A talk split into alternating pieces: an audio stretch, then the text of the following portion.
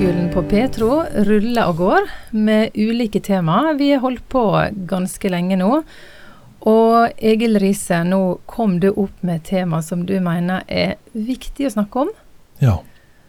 Og jeg tenkte, snakker vi om det på radio, setter ikke folk kaffen i halsen da? Det Mm. handler rett og slett om sex. Sex er kjempe, kjempeviktig. Hvorfor tenker du at vi skal snakke om eh, sex på radio? Fordi eh, de fleste voksne har eh, Ja, noen syns gjerne at dette var pinlig. Da det kan være du tenker, har tenkt det, at noen ville synes det var pinlig å snakke om seksualitet. Men alle voksne forstår antagelig at hvis det er rik tilgang på ting som er feilaktig informasjon, som ikke tjener livet og ikke er bra, så er det veldig bra hvis man kan bidra med ting som er sant. Mm. som gjør at uh, folk kan ta gode valg, og òg få et uh, godt uh, seksualliv basert på fakta. Vi må snakke om det i en serie om samliv, for det er en viktig del av eh, ekteskapet og samlivet. Um, må en ha sex, Egil Riise? Sex er topp. Um, noen par har ikke det, det er greit. Det kan være ulike grunner til det, hvis det er ålreit. Men det er jo eh, det er et kjærlighetslim i forholdet, det å ha, ha sex sammen, og ha det på en god måte. Du snakker om eh, samfunnet. Hvordan er det samfunnet snakker om sex, og hvordan, eh, hvordan er utviklinga vår der? Jeg tenker at det er to ting. Eh, Man må tenke at eh, i forhold til ungdommer, så er det både opptatt av, eh, av fakta, at unger skal vite fakta. Men òg så har ungdommer og voksne til veldig tilgang i dag, framfor for bare 30 år siden, veldig tilgang på dårlig informasjon i det vi før kalte for kiosklitteratur, som nå er på internett. Og veldig òg inspirert av pornografi og ting som eh, som ikke reflekterer virkeligheten. Mm. Mm. Så du tenker vi også skal hjelpe ungdommene å snakke om det? Å snakke med dem om hva som er Jeg syns det er et Rett. ansvar for voksne og Mm. kjenner om de syns det er pinlig eller sånn, så må vi på en måte strekke oss. Fordi likevel så blir jo de som er unge, eh, stående alene med masse dilemmaer, uten at vi er villige til å gå inn i og, og snakke eller finne ut av hva som er fakta. Mm. Uten at det er noe sted å snakke ordentlig om det. Eh, I forhold til seksualitet, og kanskje spesielt eh, kvinners seksualitet, hvordan har samfunnet utvikla seg, eller hvordan har det vært fram gjennom?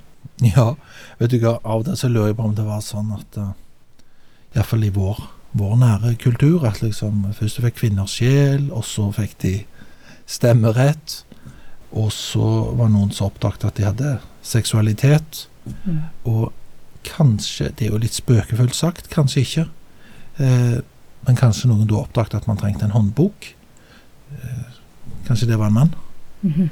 Og så ble, fikk man en sånn teknisk tilnærming til hvordan man skulle gjøre det. Mm. Og at uh, kvinner hadde erogene soner som man ikke så, osv. Så, videre.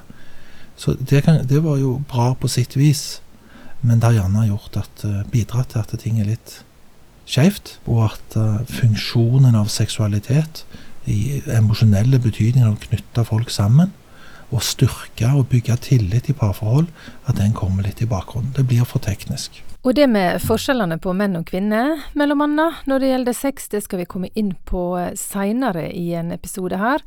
Men Egil Riise, du har sagt at uh, forskninga viser at gifte har mer, lenger og bedre sex. Hvorfor er det sånn? Ja, det er jo ikke så vanskelig å forstå at hvis du er sammen med noen eh, fast, så er det mer sannsynlighet for at du har sex. Selvfølgelig er det sånn. Men det er jo òg Det er nok sånn at uh, hvis man har et fast forhold, så lærer man seg å prioritere seksualitet. Være sammen på den måten fordi man forstår at det er viktig. Og forskningen viser jo nettopp dette, at uh, både det å ha, være intime gjennom samtaler og andre ting, men òg det å være intime seksuelt, de to tingene er oftest en hovedingrediens i gode parforhold. Men for å oppsummere denne episoden Da tenker jeg, eh, og det er litt sånn ligger meg på hjertet, at alle voksne ansvarlige ektefeller og ikke må tenke på at eh, vi må hjelpe til å få fram hva er realiteter mm. om hva som er godt for parforhold, godt for relasjoner.